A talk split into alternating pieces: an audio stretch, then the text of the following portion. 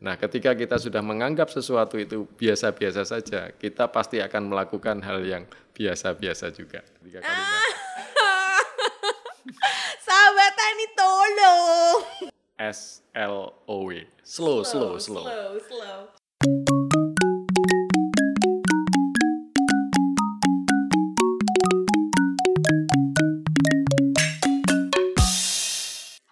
Assalamualaikum warahmatullahi wabarakatuh Sahabat Tani. Perkenalkan kembali Saya Feby Hastala Vista Menemani hari Sahabat Tani Untuk berbincang dengan penggiat tanaman Dan kita bisa mengenal lebih dekat sosok inspiratif kali ini Sosok inspiratif kali ini yaitu Bapak Prof. Agus Avianto Yang sering akrab dipanggil Prof. Picus Dan beri sambutan yang meriah untuk Prof. Picus Assalamualaikum Waalaikumsalam warahmatullahi wabarakatuh.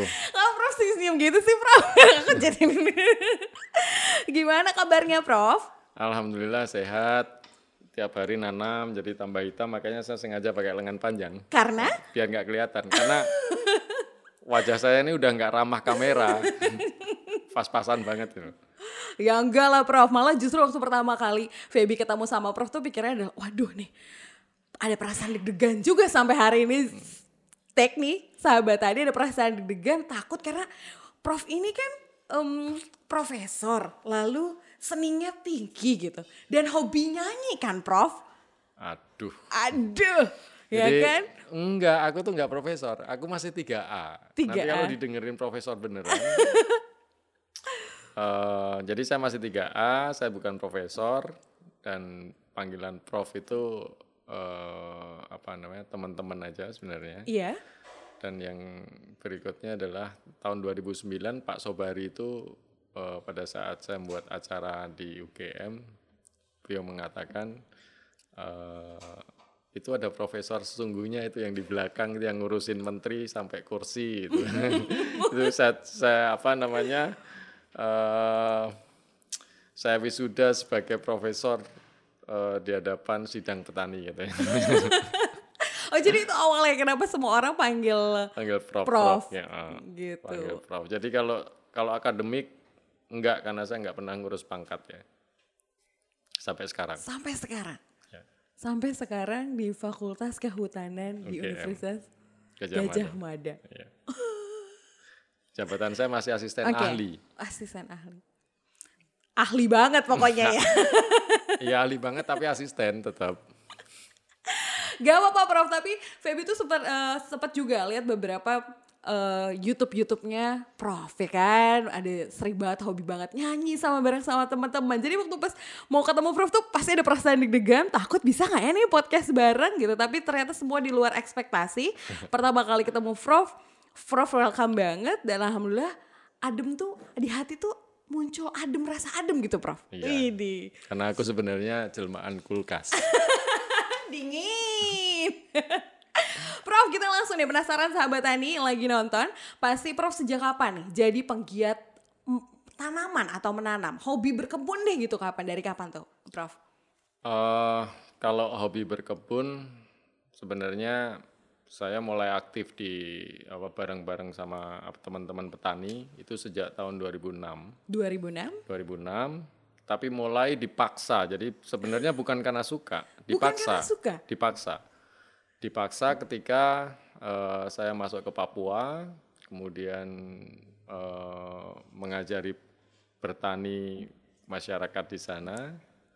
Nah, karena mereka tahunya ini orang dari Jogja, kemudian sarjana gitu kan, sarjana harus tahu semuanya. Padahal saya adalah orang yang sama sekali nggak suka tanaman. Sama sekali gak suka tanaman. Sama sekali nggak suka tanaman karena bidang saya itu manajemen, Mbak. Manajemen. Manajemen hutan, kemudian eh, sekolah lanjutnya saya bidangnya malah ngambil ekonomi lingkungan, nggak ada sama sekali urusannya dengan tanaman. Gak ada urusan sama sekali sama tanaman. Tanaman. Waduh, waduh, waduh. Terus gimana tuh, Prof? Ceritanya lagi, lanjut Nah, lagi nih penasaran. karena karena dipaksa begitu, Oke. mau tidak mau saya belajar. Saya belajar eh, apa namanya, mulai dari yang sederhana, sederhana mulai apa sih pupuk organik tuh, Oke. pupuk organik. Jadi proses belajar itu sejak 2010 Eh, 2010 sampai sekarang ya 2020. 20, 10 tahun 10 berarti. tahun Awalnya dipaksa justru. dipaksa. Baby nggak ada. I have no idea, Prof. Kok bisa sih? Karena pas di Papua itu ya. Di- iya, karena eh, ketika ditanya sesuatu, Iya. mau tidak mau saya harus bisa jawab. Harus bisa jawab. Harus bisa jawab. Nah, eh, jadi saya ucapkan terima kasih pada teman-teman apa namanya di Papua, eh, di mana Pegunungan Bintang, kemudian Timika, Jayawijaya, Kaimana di Sorong, yang sudah memaksa saya untuk mencintai tanaman. Masya Allah. Pada saat ke Papua itu ada ada acara apa, Prof? Atau misal tugas, memang dari, tugas dari kampus kah? Atau gimana ceritanya awalnya? Enggak, ceritanya saya dulu ada lembaga namanya Java Learning Center. Oke. Eh, saya direktur eksekutif di sana. Kemudian tahun 2010 saya dengan beberapa teman eh, dalam tanda petik lagi-lagi harus hengkang dari lembaga itu karena ada pergantian. Eh, dan di situlah awal mulanya eh, apa namanya kami nggak punya apa-apa. Sebagai lembaga kami nggak punya apa-apa nggak punya apa-apa. Kemudian diajak oleh salah satu teman untuk ke pegunungan bintang eh, mendampingi masyarakat di sana. Prosesnya kira-kira sekitar tiga bulan nah setelah tiga bulan itu eh, ternyata dilihat hasilnya bagus kemudian teman ini me- mengusulkan kamu coba buat proposal dong ke eh, mana? Kemitraan partnership for Indonesian Reform. Eh, eh no partnership for govern governance reform in Indonesia. Lembaganya namanya kemitraan Oke. di Jakarta. Akhirnya dari tahun 2010 eh, sampai tahun 2015 ya kalau nggak salah 2015 eh, kami diminta untuk mendampingi di lima kabupaten di Papua dan di Papua Barat. Tiga di Papua dan dua di Papua Barat. Itu sampai 2015 kemudian yang lain juga eh, saya diminta eh, untuk mencoba reklamasi lahan bekas tambang di Belit Kutung Timur yang kalau siang hari jam setengah sebelas suhunya 64 derajat Celcius 64 derajat Celcius. Ah, iya, Ini posisinya betul. 64 derajat Celcius Masya ya Allah jadi sahabat tani panasnya kayak apa yang putih-putih itu yang putih-putih itu Iya. namanya pasir tiling Pasir tiling. jadi kalau timah itu disedot kemudian apa pasirnya dihamparkan itu kalau kita nggak pakai kacamata Silau. silau. Dan suhunya setengah sebelas saya pernah ngitung itu 62 sampai 64 derajat Celcius. Jadi nggak ada tanaman yang bisa hidup. Akhirnya eh, kita cari akal, kita pakai kompos blok untuk menanam di situ dengan beberapa teman di Fakultas Kehutanan UGM dan dibantu oleh teman-teman eh, dari Badan Lingkungan Hidup Daerah. Jadi Badan Lingkungan Hidup Daerah ada sekitar lima orang, lima orang teman yang yang menurut saya cukup gila. Jadi dia kerja pagi, pagi sampai sore di kantor, sore dia ke lahan ikut nanam, gitu. nanam? ikut nanam Oke. sampai malam, Sampai malam. sampai malam besoknya begitu Lagi. terus gitu. Dan itu berjalan sekitar eh, dua tiga tahunan lah ya, dua tiga tahunan dan alhamdulillah dalam dua tahun itu sudah menunjukkan hasil. Jadi yang dikatakan tadinya eh, rumput aja nggak mau tumbuh di situ gitu. Iya kan, rumput nggak mau eh, tumbuh. Alhamdulillah kelengkengnya udah berbuah. Kelengkengnya sudah berbuah. Alhamdulillah buah naga berbuah. Kemudian cemaranya hidup di bawah cemara kita tanamin dengan padi. Kemudian eh, ada nenek-nenek juga yang membantu. Dia bisa panen semangka, panen jagung, gitu ya. Udah di situ sampai di Pulau Padang. Kemudian tahun 2017, tahun 2017 eh, saya diminta oleh Fakultas Kehutanan untuk eh, membuat model saya dengan beberapa tim gitu membuat model eh, apa restorasi gambut di Pulau Padang. Jadi untuk pencegahan kebakaran. Alhamdulillah 2017 sampai 2019 eh, modelnya sudah terbangun eh, rewetting terjadi jadi penggenangan kembali kemudian revitalisasi penanaman kembali dan revitalisasi livelihood sumber penghidupan masyarakat eh, itu juga sudah mulai apa namanya recover, tidak lagi membuka lahan dengan membakar. Nah, sebenarnya yang susah bukan teknisnya, Tapi? Yang susah itu sebenarnya bagaimana mendekati manu- manusia, iya. mendekati masyarakat sehingga mereka trust percaya sama kita. percaya. Membuat itu yang susah karena masyarakat itu kan seeing is believing. Betul.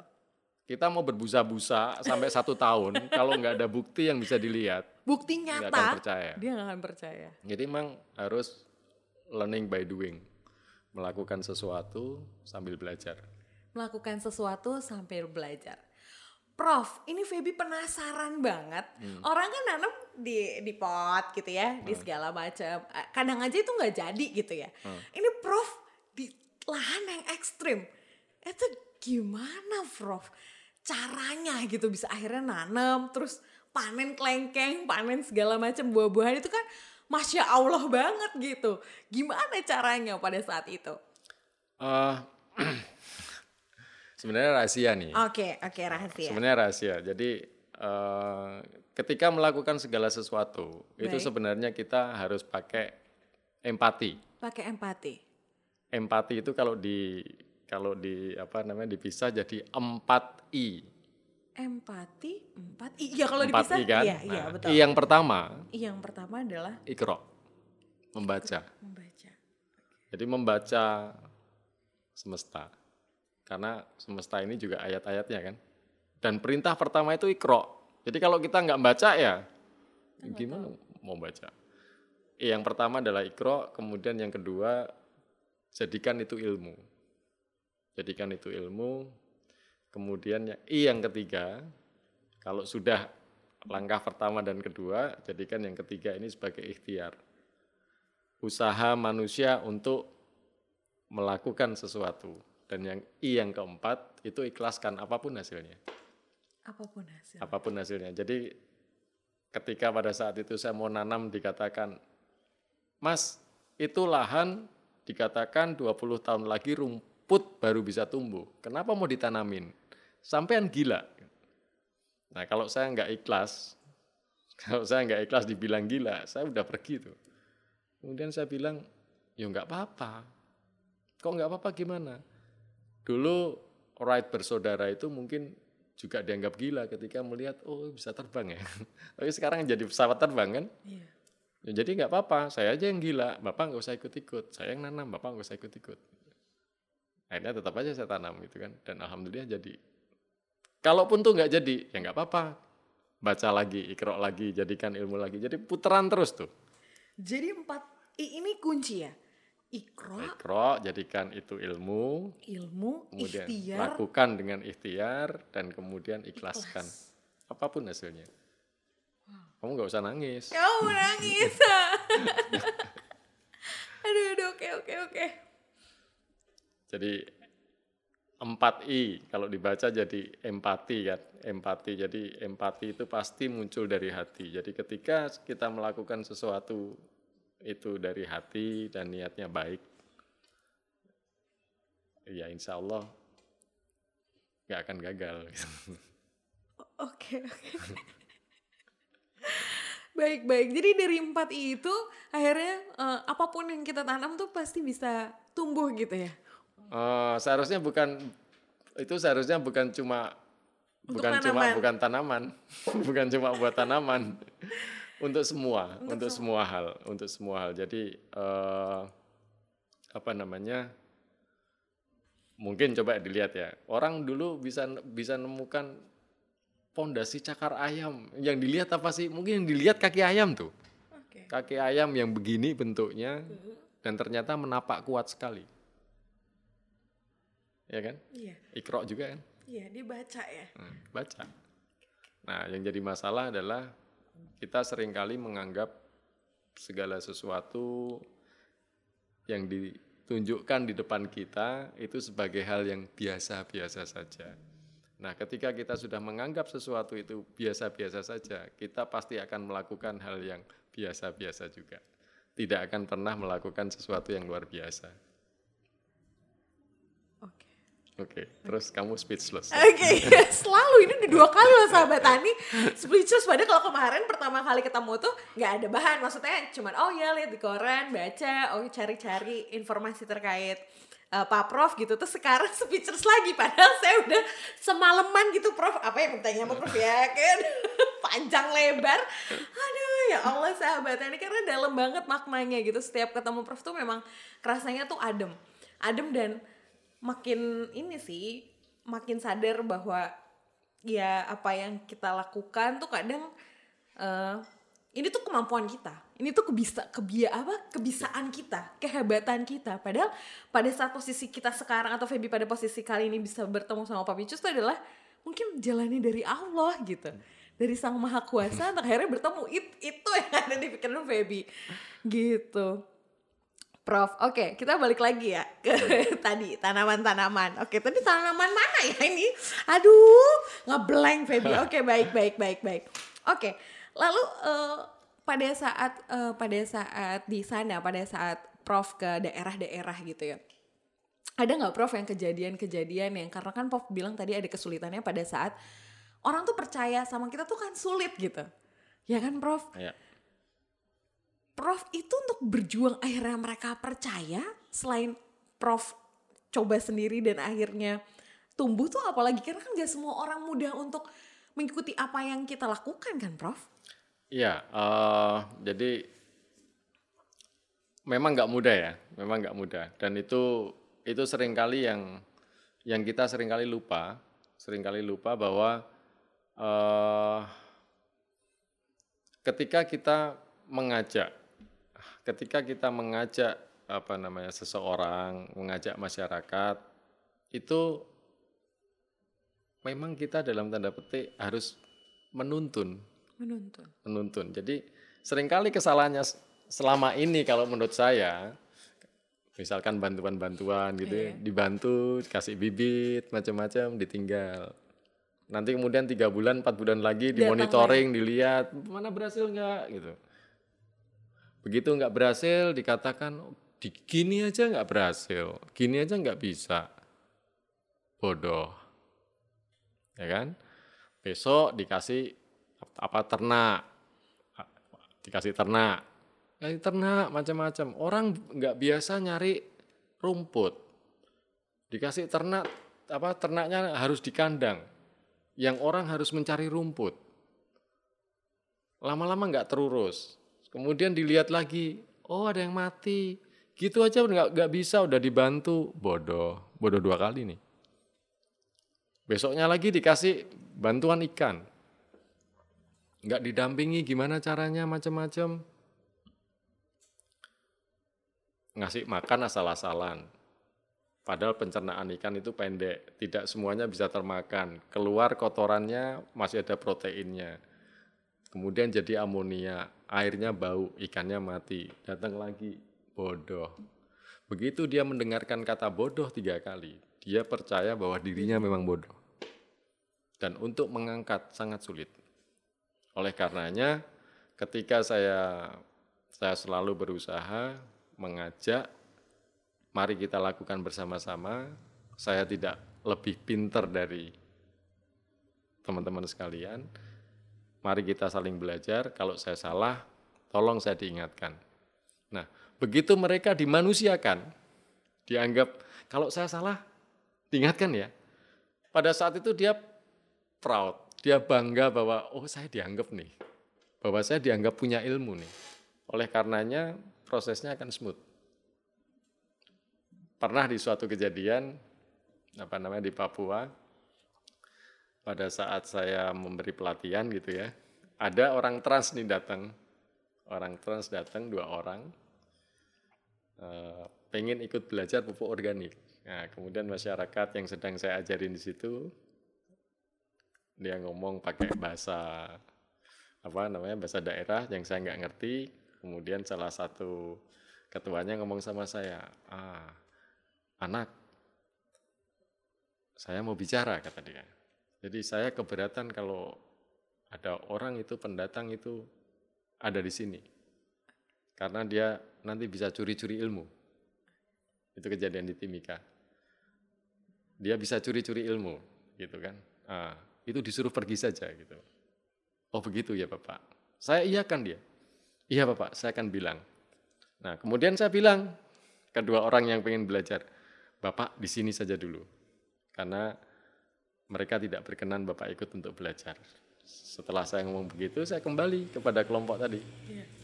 Kemudian saya bilang, gini, Bapak saya minta pamit ya.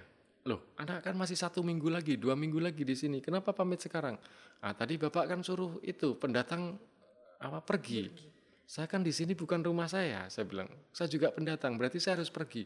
Ah, kalau seperti itu jangan, anak tinggal saja, mereka belajar sudah.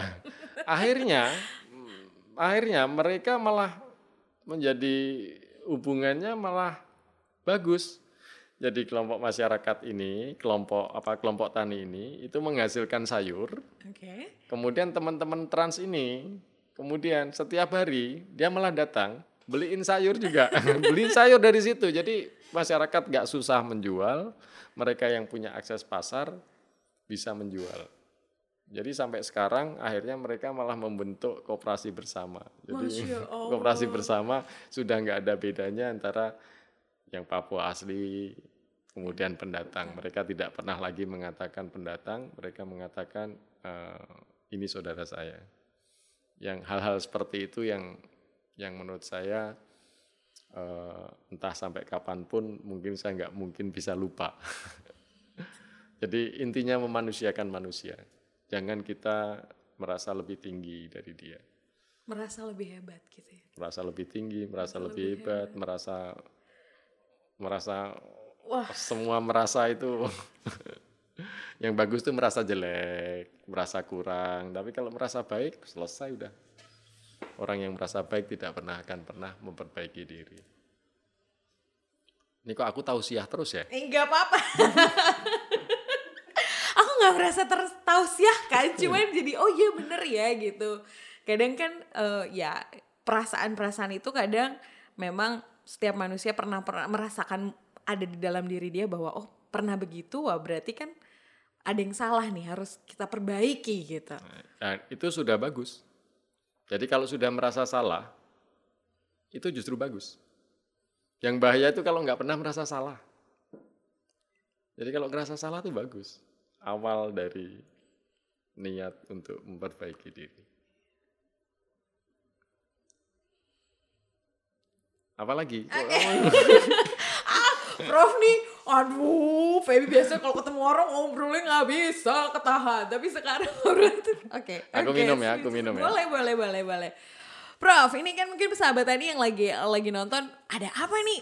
Buku apa nih? Kayaknya tadi sempat bahas Feby, Prof itu kan sang penyapa tanaman gitu kan. Ibaratnya ngobrolnya sama tanaman. Itu kan kebiasaan yang unik, yang nggak biasa orang orang lakukan gitu. Ditambah lagi mungkin sahabat tani yang dari rumah tuh melihat ini apa ya ada 100 hari melihat diri gitu ngobrol bersama tanaman nah ini dia sahabat tani bisa lihat ya di sini tuh ada ini awal kenapa bisa ngobrol sama tanaman apalagi tanaman kan bukan hal yang awalnya disukai tapi dipaksakan gitu Iya. itu gimana prof Ya, karena awalnya karena awalnya di dipaksa, kemudian lama-lama saya menjadi cinta gitu kan. Jadi bukan bukan Siti Nurbaya loh ya.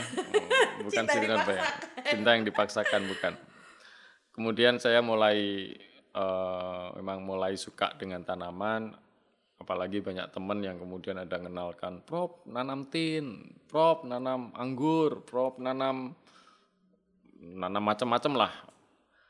Ya semuanya saya tanam gitu. Saya, saya tanam. Nah kalau obrolan dengan tanaman ini 100 hari melihat diri obrolan bersama tanaman ini sebenarnya eh, ini bukan buku tentang budidaya tanaman.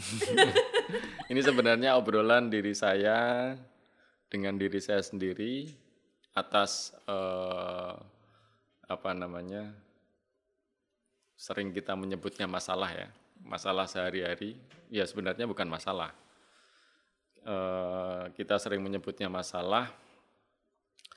Em, ini adalah obrolan saya dan ini sebenarnya real cerita hidup saya eh, bagaimana kemudian saya berusaha eh, untuk belajar mengikhlaskan diri itu menjalani takdir itu, jalani takdir atas atas segala kejadian uh, yang didatangkan ke saya. Jadi kalau misalkan baca buku ini jangan berharap di sini isinya adalah cara pembuatan kompos. Enggak, jadi dan kenapa tanaman gitu Iya. dan kenapa tanaman eh, apa namanya?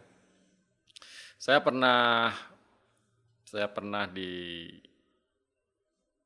diberi nasihat oleh salah seorang kiai yang saya hormati, Gusmus. Beliau mengatakan begini, Bicus, jadi orang yang mau menanam itu pasti orang baik. Pasti orang baik. Kemudian eh, kenapa orang baik gitu? Karena bahkan dia tidak pernah menentukan oksigen yang dihasilkan dari tanaman yang dia yang dia tanam itu hanya boleh dihirup oleh siapa. Dia tidak pernah memilih-milih. Kemudian yang kedua, bahkan dia tidak apa namanya eh, tidak marah ketika buah-buahan yang dihasilkan dari tanaman yang dia tanam itu dimakan oleh burung, kemudian dimakan oleh kelelawar dan sebagainya. Kemudian yang ketiga dia menempat eh, dia menyiapkan tempat di mana burung-burung, eh, belalang dan sebagainya bisa membuat rumah. Jadi dengan tiga hal ini siapa yang mau menanam itulah pasti orang baik. Mulai dari itulah sebenarnya saya mulai cinta tanaman gitu. Jadi selain karena dipaksa di Papua, yang kedua ya karena eh, apa nama- namanya nasihat dari Gusmus sehingga kemudian ya tiap hari saya nanam-nanam, nanam-nanam. Jadi kalau saya itu kalau ditanya ini mungkin untuk teman-teman sahabat tani ya, Iya. eh Prof untung apa rugi gitu. Nah itu masalah. Jadi saya tuh prinsipnya gini, eh, saya melakukan segala aktivitas yang berhubungan dengan tanaman, eh, dengan tanaman mungkin dengan hewan juga. Itu saya slow, S L O W, slow, slow, slow, slow, slow. slow. S yang pertama itu sayangi atau senangilah dia. Sayangi dan senangilah dia. Jadi kalau mau nanam, Ya. ya kamu harus sayang sama tanaman. Kemudian kalau sudah sayang, sayang duluan, baru yang nomor dua, lakukan. Aku sayang sama tanaman, maka aku menanam, lakukan. Slow kan, SL. Nah, barulah diolah. Kalau kemudian kita sudah punya tanaman macam-macam, diolah tuh dengan dipikir, ini bisa jadi apa ya? Bisa jadi apa ya?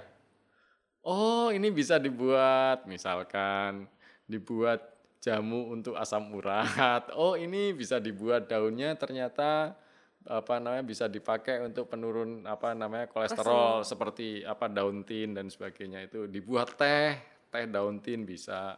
Ada teman yang yang buat juga teh daun tin itu di Wonogiri. Nah, dengan begitu kemudian barulah berpikir yang W. Jadikan itu kalau memungkinkan untuk wirausaha. Jadi slow, jadi sayangi dulu, kemudian lakukan, baru diolah, dipikir, dianalisis macam-macam, baru kemudian eh, jadikan itu sebagai wirausaha. Nah, Prof, gimana kalau yang W-nya ini terus gagal gitu, misalkan rugi gitu Iya, kan? misalnya gitu. Kalau rugi, kembalilah pada yang pertama. Kamu kan sayang. Kalau orang sayang, mana ada hitung-hitungan untung rugi? Iya benar. Kalau kita udah sayang tuh gak akan ngitung. Enggak kan? Coba, kamu sayang sama suamimu. Sayang banget. Sayang banget kan? Iya. Nah, masa hitung-hitungan untung rugi? Aku tak jajain kamu bakso seribu, terus aku dijajain permen ya. Enggak ada kayak begitu. Gak ada, Prof. Enggak ada kan? Gak ada. Nah, ada sama sekali. enggak ada kan? Heeh. Slow. Slow. Jadi slow. Slow itu bahasa Inggris. Oke. Kalau bahasa Indonesianya apa? Santai. Iya. Sama aja. S yang pertama sayangi. SA. SA. Sayangi. Atau senangi. Ya kan? Kemudian apa? N. Hah? Santai kan? S-. Ya sayangi kan sayangi S. SAN. SAN, Oke. sayangi. Kemudian T. T. Apa? Tekuni. Tekuni. Ya kan? Tekuni. Terus A lagi apa? Sayangi, tekuni. Sayangi, tekuni ya tebak-tebakan. Ah, Prof mah. Ayo, Nanti masa kita- aku semua yang ngomong? Iya juga sih, A-nya apa ya? Ah. Awal apa Ah. ya? Baru sama tadi analisis. Olah itu kan sebenarnya analisis. Analisis. Oh, kalau butuhnya ini kira-kira nanti kalau dijual sekian, boleh semuanya dianalisis karena itu memang dikasih kan ilmu kan. Baik. Nah, kemudian I yang belakang. Nah, jadikan itu sebagai ikhtiar untuk menjemput rezeki. Namanya aja ikhtiar, jangan diatur-atur hasilnya. Ya kan? Iya, betul. Udah sayang, kemudian udah udah sayang. melakukan, sudah dianalisis, sudah dihitung-hitung nih untung rugi kalau aku nanam ini untung sekian macam-macam begitu. Nanam ternyata hasilnya kok banyak dimakan belalang ya. oh, banyak dimakan hama ya. Ya sudah, nggak apa-apa. Oh, ini kan ikhtiarku. Kalaupun aku nggak dapat dalam tanda petik rezeki dalam bentuk uang, setidaknya ada rezeki yang kuamalkan yaitu oksigen, yaitu daun yang dimakan belalang macam-macam. Udah niatkan lillahi taala. Selesai. Ya kan? Iya. Nah, yang jadi masalah sering kali kita hitung-hitungan tuh di awal. Hitung-hitungan di awal. Dihitung semuanya kalau nanam ini apa yang lagi tren, tanam macam-macam. Oh, ini modalnya sekian, ditanam sekian. Nanti hasilnya sekian, Sekian. dijual macam-macam. Begitu udah dilakukan, yang ada di pikiran sudah untung, untung, untung, untung. Padahal ketika kita melakukan sesuatu yang berhubungan dengan makhluk hidup, tanaman, hewan, unsur ketidakpastiannya tinggi. Kita nanam di musim kemarau tiba-tiba hujan. Kita nanam sudah disemprotin hama eh, anti hama misalkan tiba-tiba ada serangan hama tikus dan sebagainya. Beda dengan ketika kita buat mobil. Mobil itu di pabrik, ini komponen dipasang jadi tanaman, hewan. Enggak Nggak bisa. unsur ketidakpastiannya tinggi. Dan ketika, ketika kita berhubungan dengan dua hal ini sebenarnya, kalau saya melihatnya, saya melakukan, kenapa saya senang dengan tanaman? Karena dari situ saya bisa belajar untuk, terus belajar untuk ikhlas dan sabar. Karena ketidakpastiannya tinggi. Dan benar-benar ketika berhasil, insya Allah saya akan mengatakan, Alhamdulillah ya Allah, Engkau memberikan ini semua dan mengatur ini semua agar ada hasil untukku sebagai rezeki darimu. Sehingga insya Allah aku nggak akan kecewa. Jadi kalau kita semua melakukan tanam menanam dan sebagainya dengan begitu gitu kan.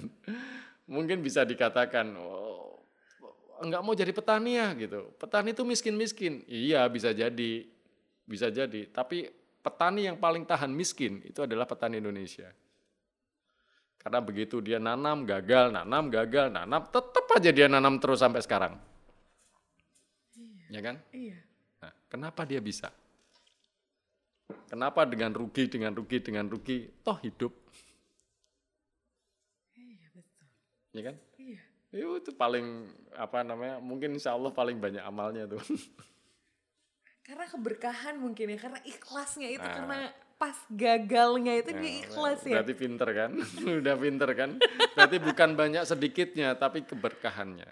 Dan bagaimana kemudian kita bisa menerima apa pun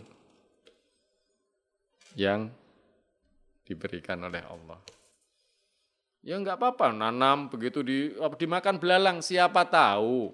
Karena belalangnya ini makan, kemudian duit kita berkurang, tapi belalangnya mendoakan nih, ya Allah picus itu doa dosanya banyak tuh, tapi dia nanam ini, dia nggak pernah ngusir-ngusir aku tuh, ampuni dosanya, bisa jadi itu yang mengampuni aku. Doa belalang, nggak ngerti. Kamu speech lagi tiga kali. Mbak. Sahabat Tani tolong. Jadi kalau aku ya, kalau kalau saya, kalau saya boleh boleh boleh berbagi sama sahabat tani gitu, teman-teman. Eh, slow dan santai itu tadi, itu mungkin bisa dipegang dipegang untuk apa ya? Kalau dikatakan rumus juga enggak. Jadi dipegang untuk prinsip ketika kita melakukan sesuatu karena tanaman hewan itu ketidakpastiannya pasti tinggi. Panen raya harga jatuh, gitu kan? Oh, panen aja harga bisa jatuh. No. Ya tapi sudah ang- lakukan karena kalian senang. Senang. senang dan sayang. Kalau udah sayang itu nggak ada yang namanya hitung-hitungan. Karena Allah pun begitu. Allah itu pengasih penyayang. Penyayang nih. Kita dosanya itu mungkin lebih banyak dari langit nih, lebih besar dari langit. Toh kita tiap hari dikasih rezeki kan. Nah, Allah juga nggak pakai kalkulator. Coba Allah pakai kalkulator. Hitung-hitungan picus dosanya berapa macam-macam dah rampung aku dari dulu kali. Iya bener bener bener. Makanya kalau sahabat tadi apa baca bukunya gitu ya, cari di eh, bookstore gitu, memang ada di eh, halaman berhari keberapa tuh meng- mengenai mikir rasio gitu kan. Mikir logika, rasio. logika, iya, mikir logika rasio.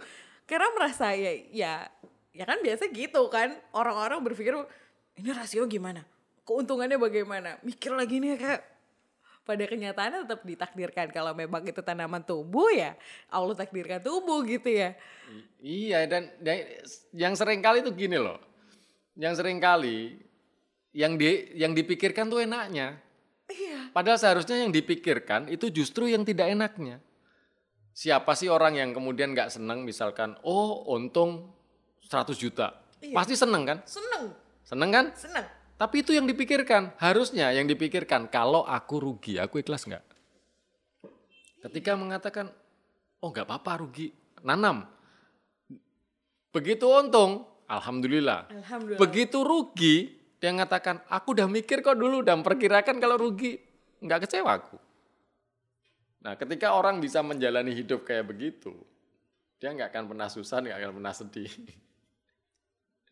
yang, yang jadi masalah tuh yang dipikirkan enaknya. Kita selalu yang dipikirkan enak, enak, enak. Harusnya yang dipikir tuh nggak enak. Itu bedanya lego sama gelo. Lego Sama gelo. sama gelo. Kalau lego itu kita sudah memperkirakan sesuatu yang buruk di awal. Sehingga ketika itu terjadi beneran, kita nggak kecewa. Nah kalau gelo itu yang dipikirkan enak di awal, begitu terjadi rugi, menyesal. Dan padahal yang namanya menyesal tuh nggak enak. Aku ngerokok ya. Iya gak apa-apa Prof, tenang aja tenang. Eh, sebatang, sebatang, sebatang. Gak apa-apa, tenang aja Prof. Sahabat Tani, sorry ya aku ngerokok. Aku soalnya dia agak bodoh juga kalau nggak ngerokok.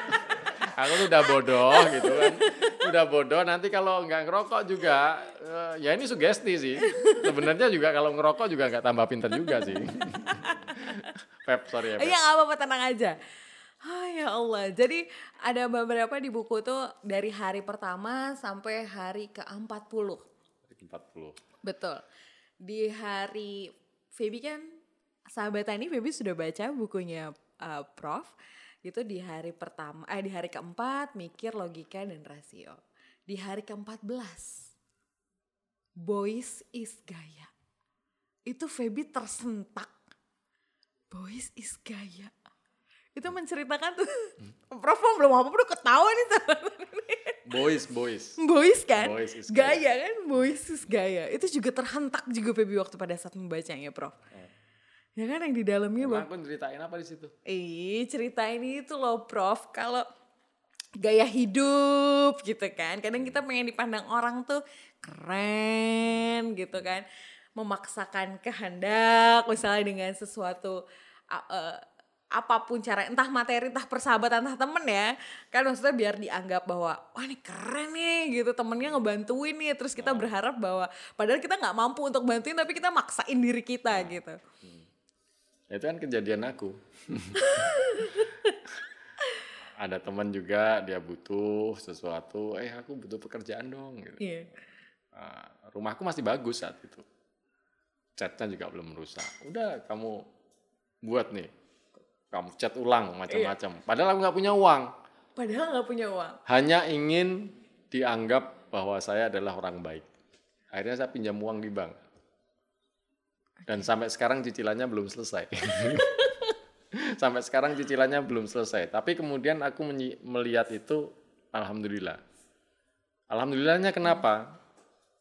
Mungkin dengan cara inilah aku membayar kesombonganku pada saat itu. Pada saat itu. ya. supaya besok nggak mudah-mudahan nggak ada urusan di akhiratku lah karena sombongku. Jadi sekarang setiap bulan makanya kalau misalkan Febing lihat eh, ada tuh yang namanya Mas Mas Edi yang biasa biasa nyebut aku wali cicilan gitu. Wali cicilan itu karena dia tahu gitu. Karena dia tahu cicilanku masih lama.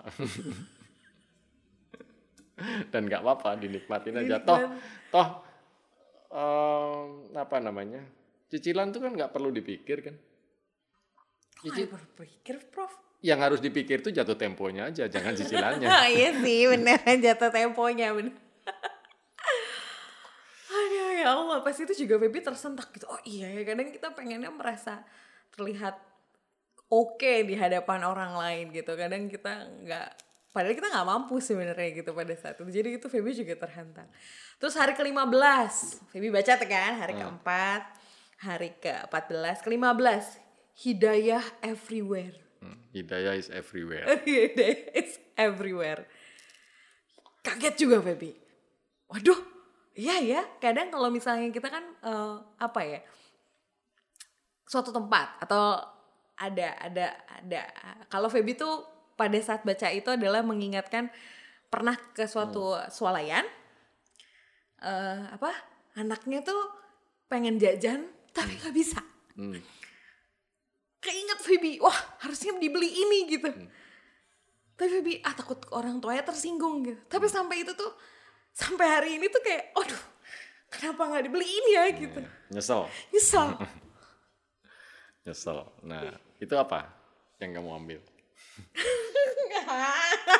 Prof mah. Loh, yang kamu ambil apa? Yang yang diambil adalah pada saat itu kan rasa ya. Rasa kasih sayang melihat si anak yang ingin sesuatu sementara mungkin orang tuanya enggak. Gitu kan. Jadi sebenarnya ketika setiap orang jadi saat itu kan kamu begitu ada rasa nggak kamu pegang duluan gitu kan. Iya. kemudian langsung naik kepikiran nih aduh jangan-jangan jangan-jangan orang tuanya jangan-jangan. Eh, kalau banyak jangan-jangan itulah kayak begitu. Ya kan seharusnya misalkan kayak begitu di "Ah, aku main beliin gitu kan. Anu ibu atau siapa bapak atau macam-macam. "Ah, tadi saya lihat adiknya lucu banget. Kita kan pakai akal. Iya. Boleh nggak kalau saya ngasih hadiah? Ya kan?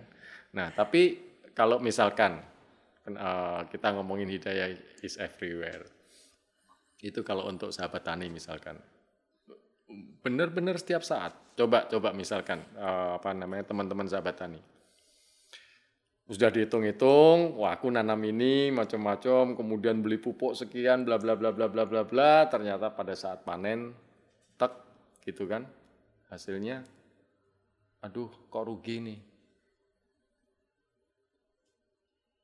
Kalau aku melihat itu, banyak hidayah yang bisa diambil.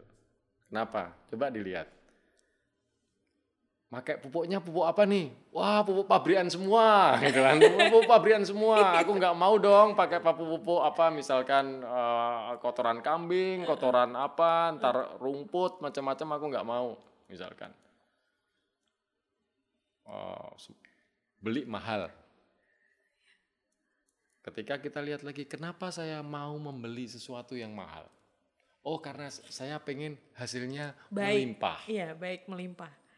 Saya pengen cepat. Nah, hasilnya melimpah dan cepat. Itu kan sebenarnya sifat manusia, serakah.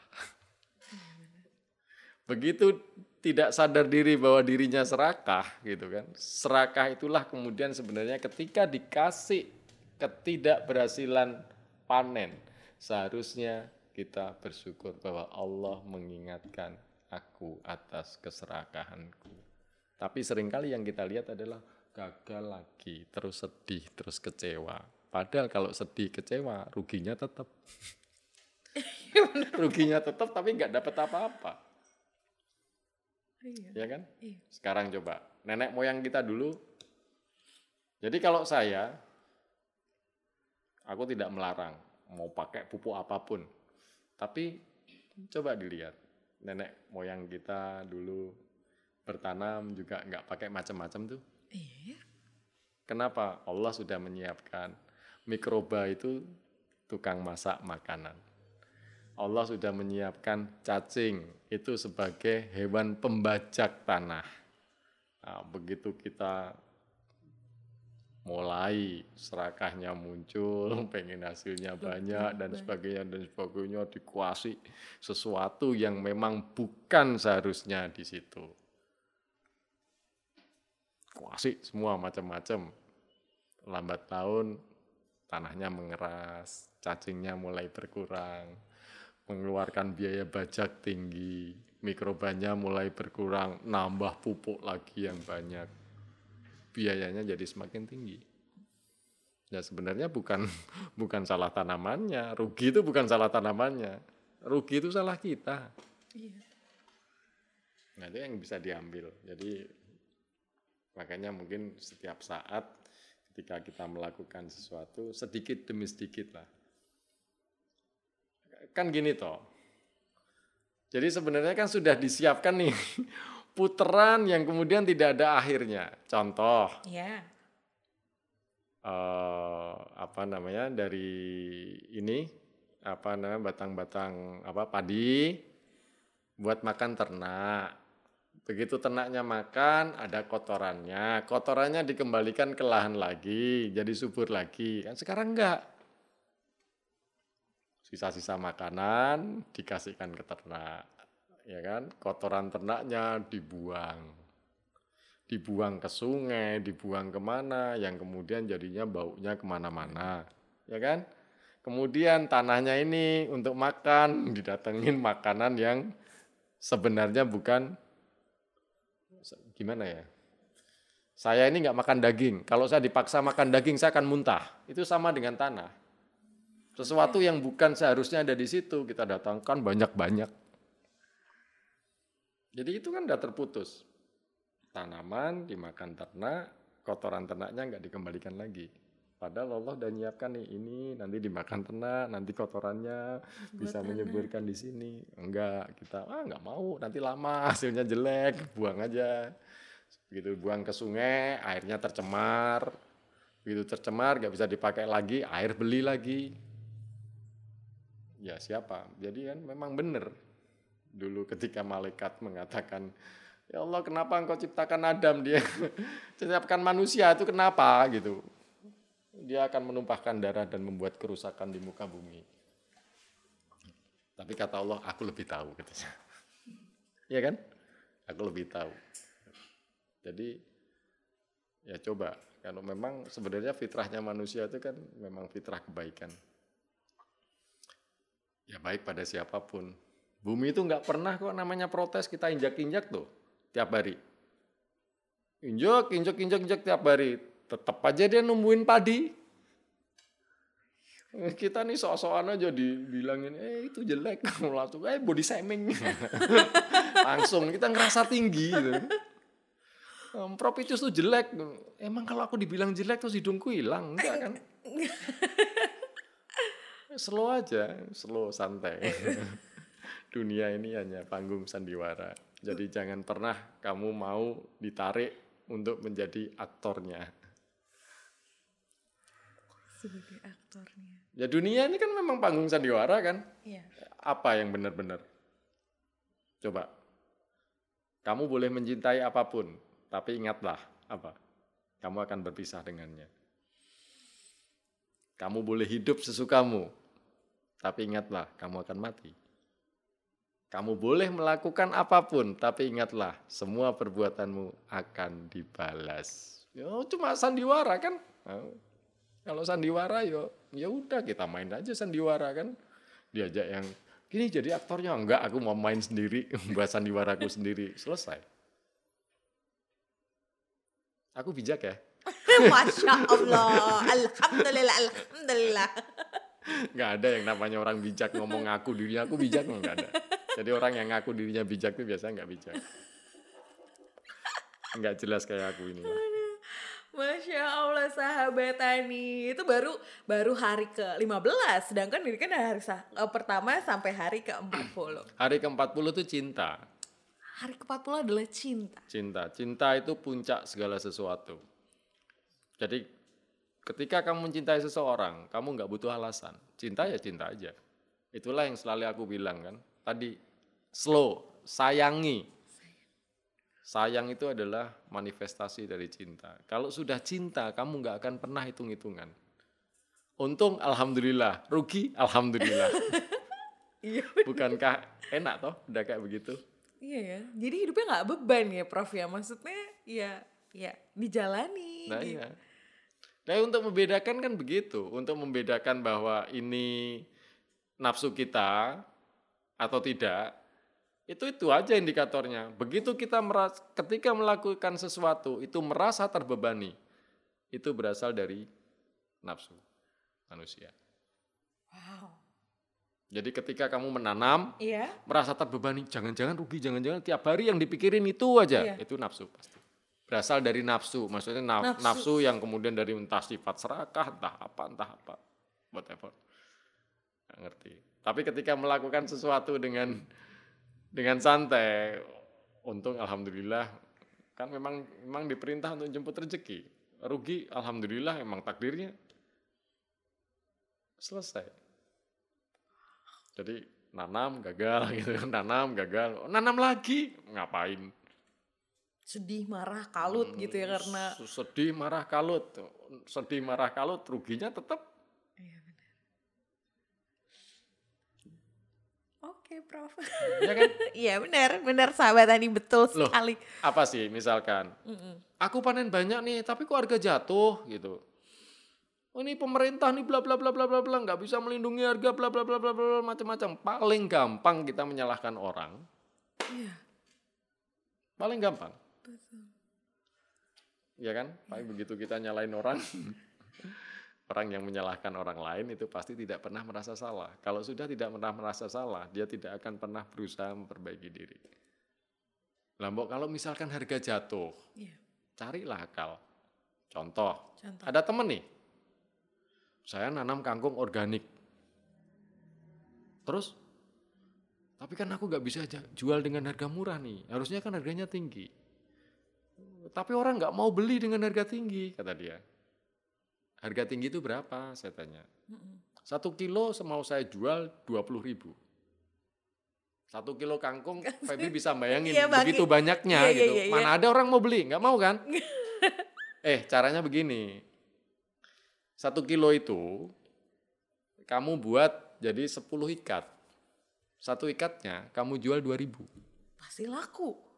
Begitu dititip-titipin, laku kan? Laku. 2000. Orang kalau sudah merasakan kangkung Organik. yang organik, merasakan dalam tanda petik kangkung yang yang yang, yang, yang lain lah ya. yang lain, rasanya pasti akan beda. Dan besoknya dia cari, "Mas, masih ada lagi nggak? Orang banyak nyari ini." Nah, sekarang dia dari apa namanya? dari salah satu kabupaten di Jawa Tengah, dia sekarang supply ke pedagang-pedagang pasar. Hanya dua ribuan rupiah. Tapi toh untungnya maksudnya hitungannya tetap dua puluh ribu kan? Satu kilo, satu kilo. Ya cuma pakai akal aja gitu. Oh iya bener juga ya kata dia. Iya juga ya. Karena kalau ya sama aja dia jual sekilo sama dibagi 10 tetap Iya kan? dua puluh ribu per kilo. apa bedanya? Gak ada bedanya. Nah, kayak begitu. Terus misalkan oh harga jatuh Iya. Oke, harga di luaran jatuh misalkan. Harga di tengkulak jatuh macam-macam. Bungkusin aja sendiri misalkan beras. Bungkusin sendiri. Datengin tangganya. Nih, kalau harga di sana misalkan 10.000 kamu beli ini kualitasnya sama misalkan 7.000 aja deh. Pasti harganya jauh lebih tinggi daripada harga daripada yang dibeli oleh misalkan tengkulak. Pasti tapi begitu kita nyalain, wah pemerintah nggak bisa melindungi harga, bla bla bla bla bla bla bla bla bla. Ruginya tetap Malah nggak dapat solusi jadinya. nggak dapat solusi. Terus, iya. Iya bener Prof. Loh, tapi kan malu dari apa dari pintu ke pintu. Kok malu? Halal? Apa salahnya? Malu tuh kalau kita curi kan. Iya. Kita datengin Feb Iya. beli beras ini satu kilo tujuh ribu. Kualitasnya sama dong dengan yang sepuluh ribu dijual karena ini langsung dari aku. Misalkan, Iya.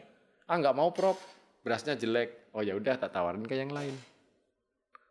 Nggak kecil hati gitu, tidak mudah kecil hati ketika Lah ditolak. ngapa- ngapain ditolak? Iya benar ya.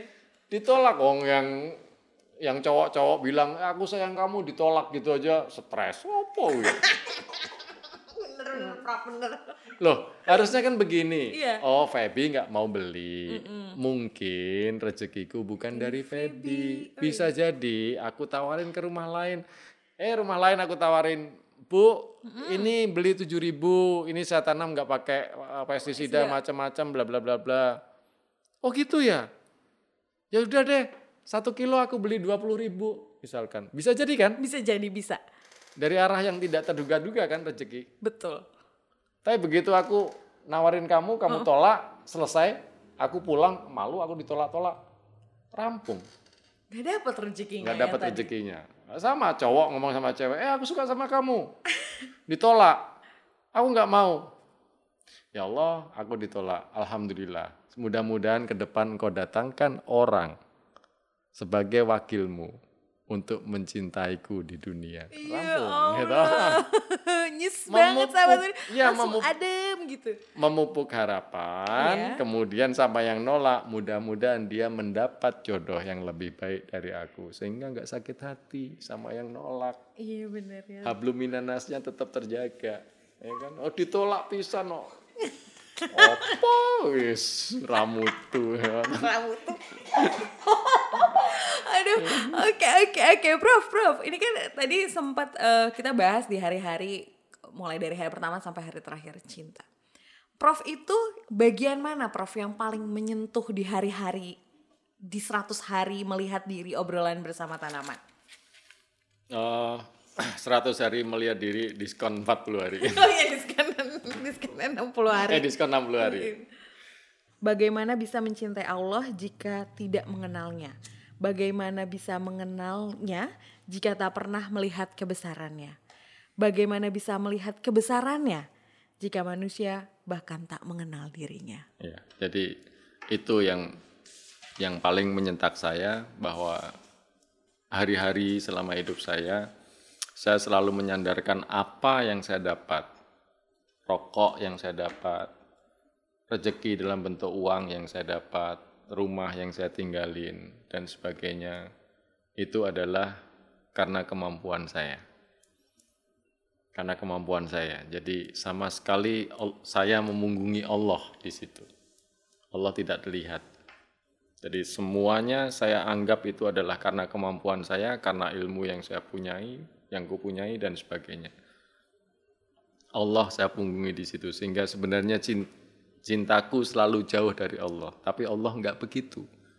Meskipun aku memunggungi Allah, Allah tetap mencintaiku. Dengan apa?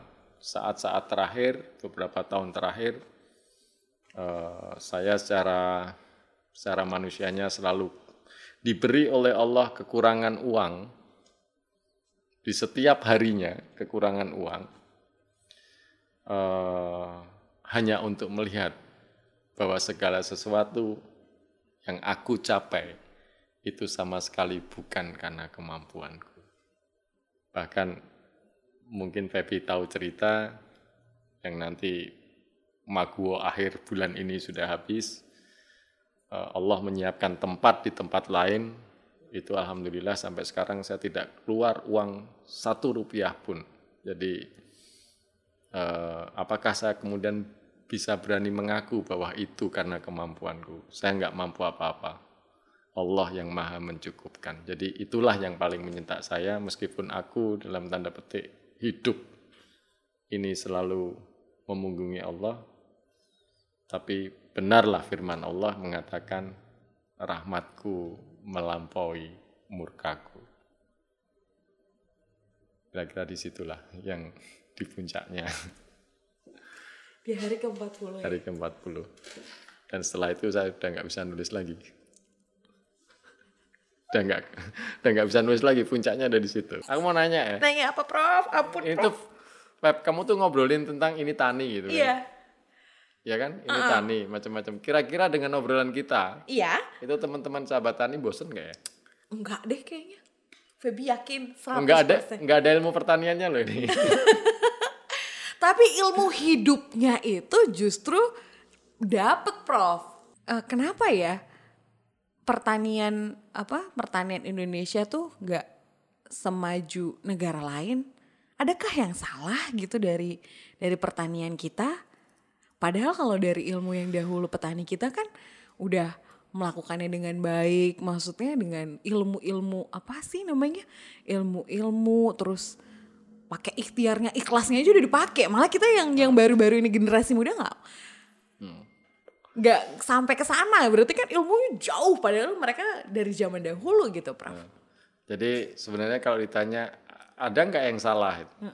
Nggak ada yang salah. Gak ada yang salah. Nggak ada yang salah. Jadi kalau saran saya sebenarnya eh, untuk pemerintah gitu ya, saran saya, jadi eh, biarkan petani itu tidak dipusingkan, tidak dipusingkan ya, dengan bagaimana cara menjual, memasarkan dan sebagainya dan sebagainya. Biarkan dia konsentrasi untuk berproduksi yang sebaik-baiknya. Nah, peran pemerintah itu yang memikirkan sebenarnya, memikirkan bagaimana kemudian fasilitasi untuk meningkatkan produksi. Tapi petani biarkan mikir produksi, nggak usah dipusingkan dengan mikir pemasaran. Nah, pemasaran sebaiknya mulai dipikirkan oleh pemerintah Hmm, Oke, oke. Sehingga kemudian nggak ada yang namanya nanam itu kemudian takut aduh Was-was. nanti kalau panen raya harga Harganya turun, turun. Ya, meskipun pemerintah sekarang sudah ada yang namanya floor price harga nggak boleh lebih rendah dari itu Iya.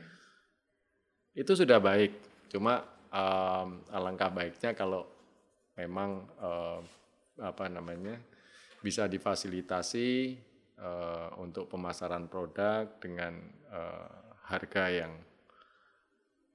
yang masuk akal. Yang kompetitif gitu ya, jangan ah, sampai kita- akal. Oh, jangan sampai kita udah nanam capek-capek gitu ibaratnya gitu ya harganya anjlok jadi kan orang jadi itu mungkin salah satu kenapa generasi muda juga nggak mau bertani kali ya Prof Salah satunya mungkin itu. Salah satunya adalah dilihat eh, bahwa ya prospeknya eh, banyak petani miskin nih, gitu kan? Banyak petani miskin.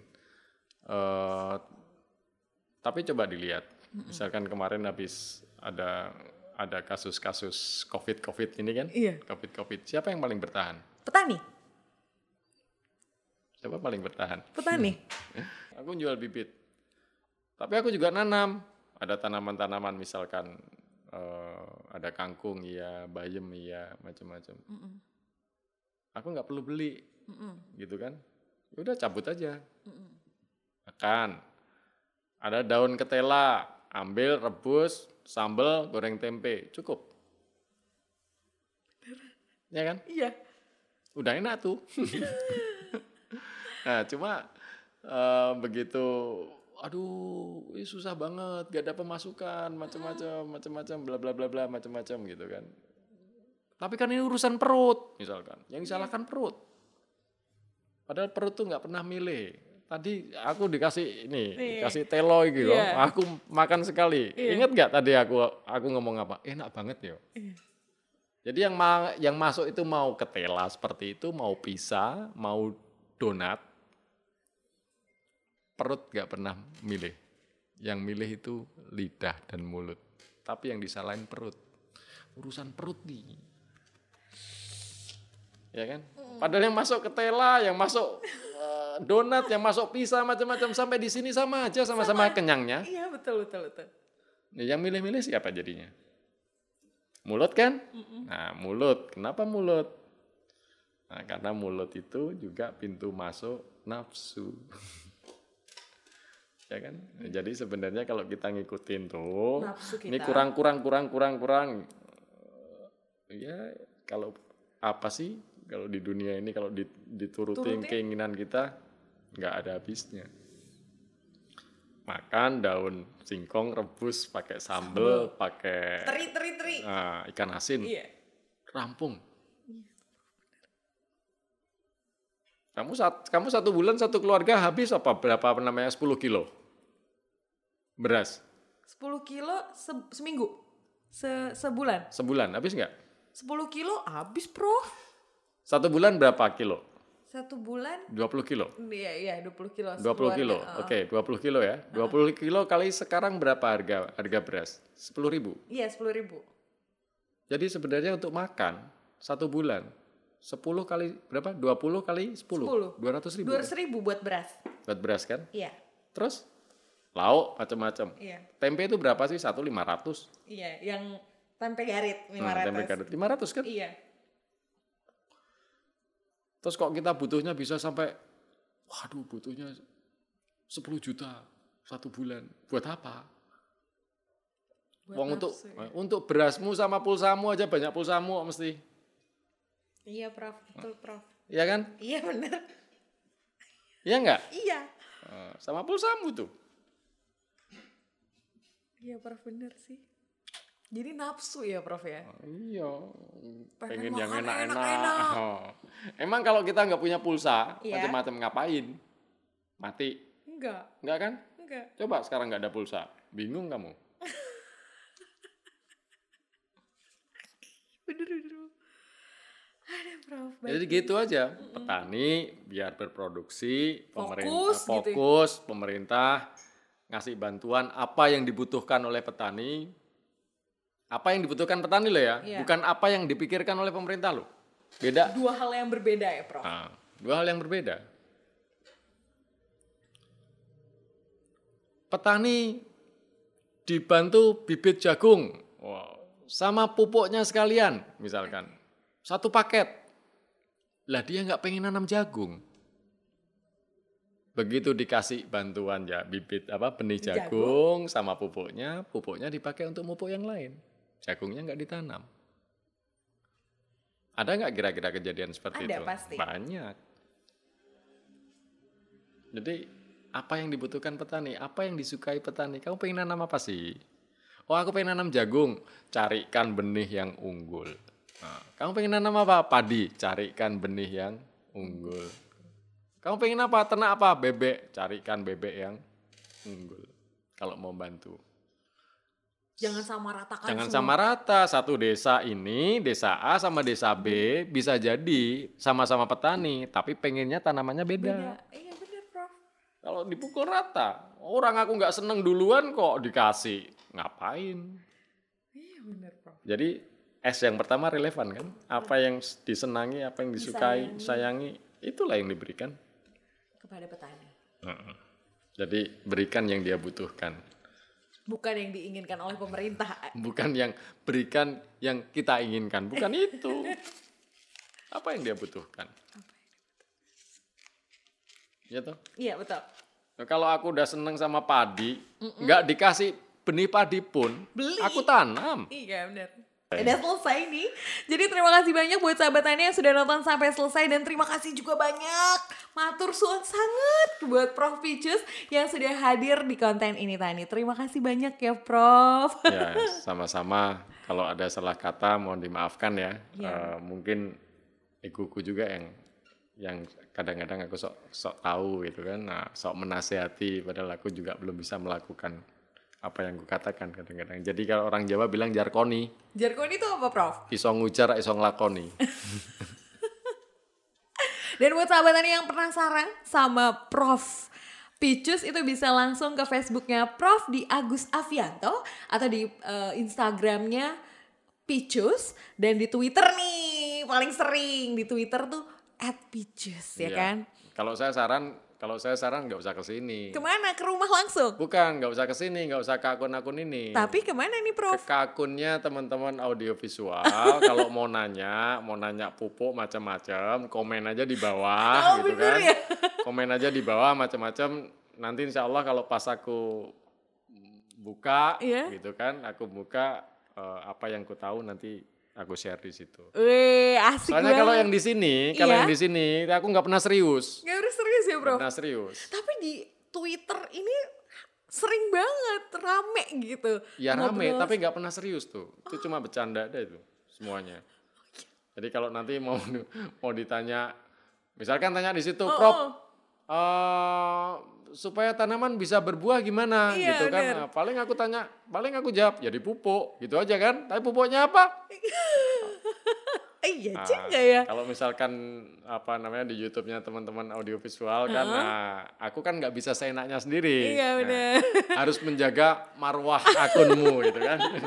Jadi kalau ditanya pupuknya apa, kalau untuk pembuahan banyakin yang yang fosfor dan kalium. Fosfor itu bisa dari buah-buah busuk, kalium itu bisa dari eh, apa sabut kelapa, macam-macam. Aku akan jawab kayak begitu, menjaga marwahmu gitu kan. Asik, sahabat Tani itu ya jik tinggal komen, nanti Feby akan langsung.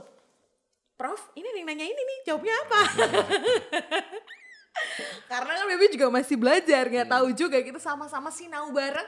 Ya kan, buat sahabat Tani tetap semangat untuk menanam, karena menanam adalah eh, tipe-tipe orang yang bisa menebar kebaikan. Baik sahabat Tani, terima kasih banyak. Wassalamualaikum warahmatullahi wabarakatuh. Waalaikumsalam warahmatullahi wabarakatuh. Wes.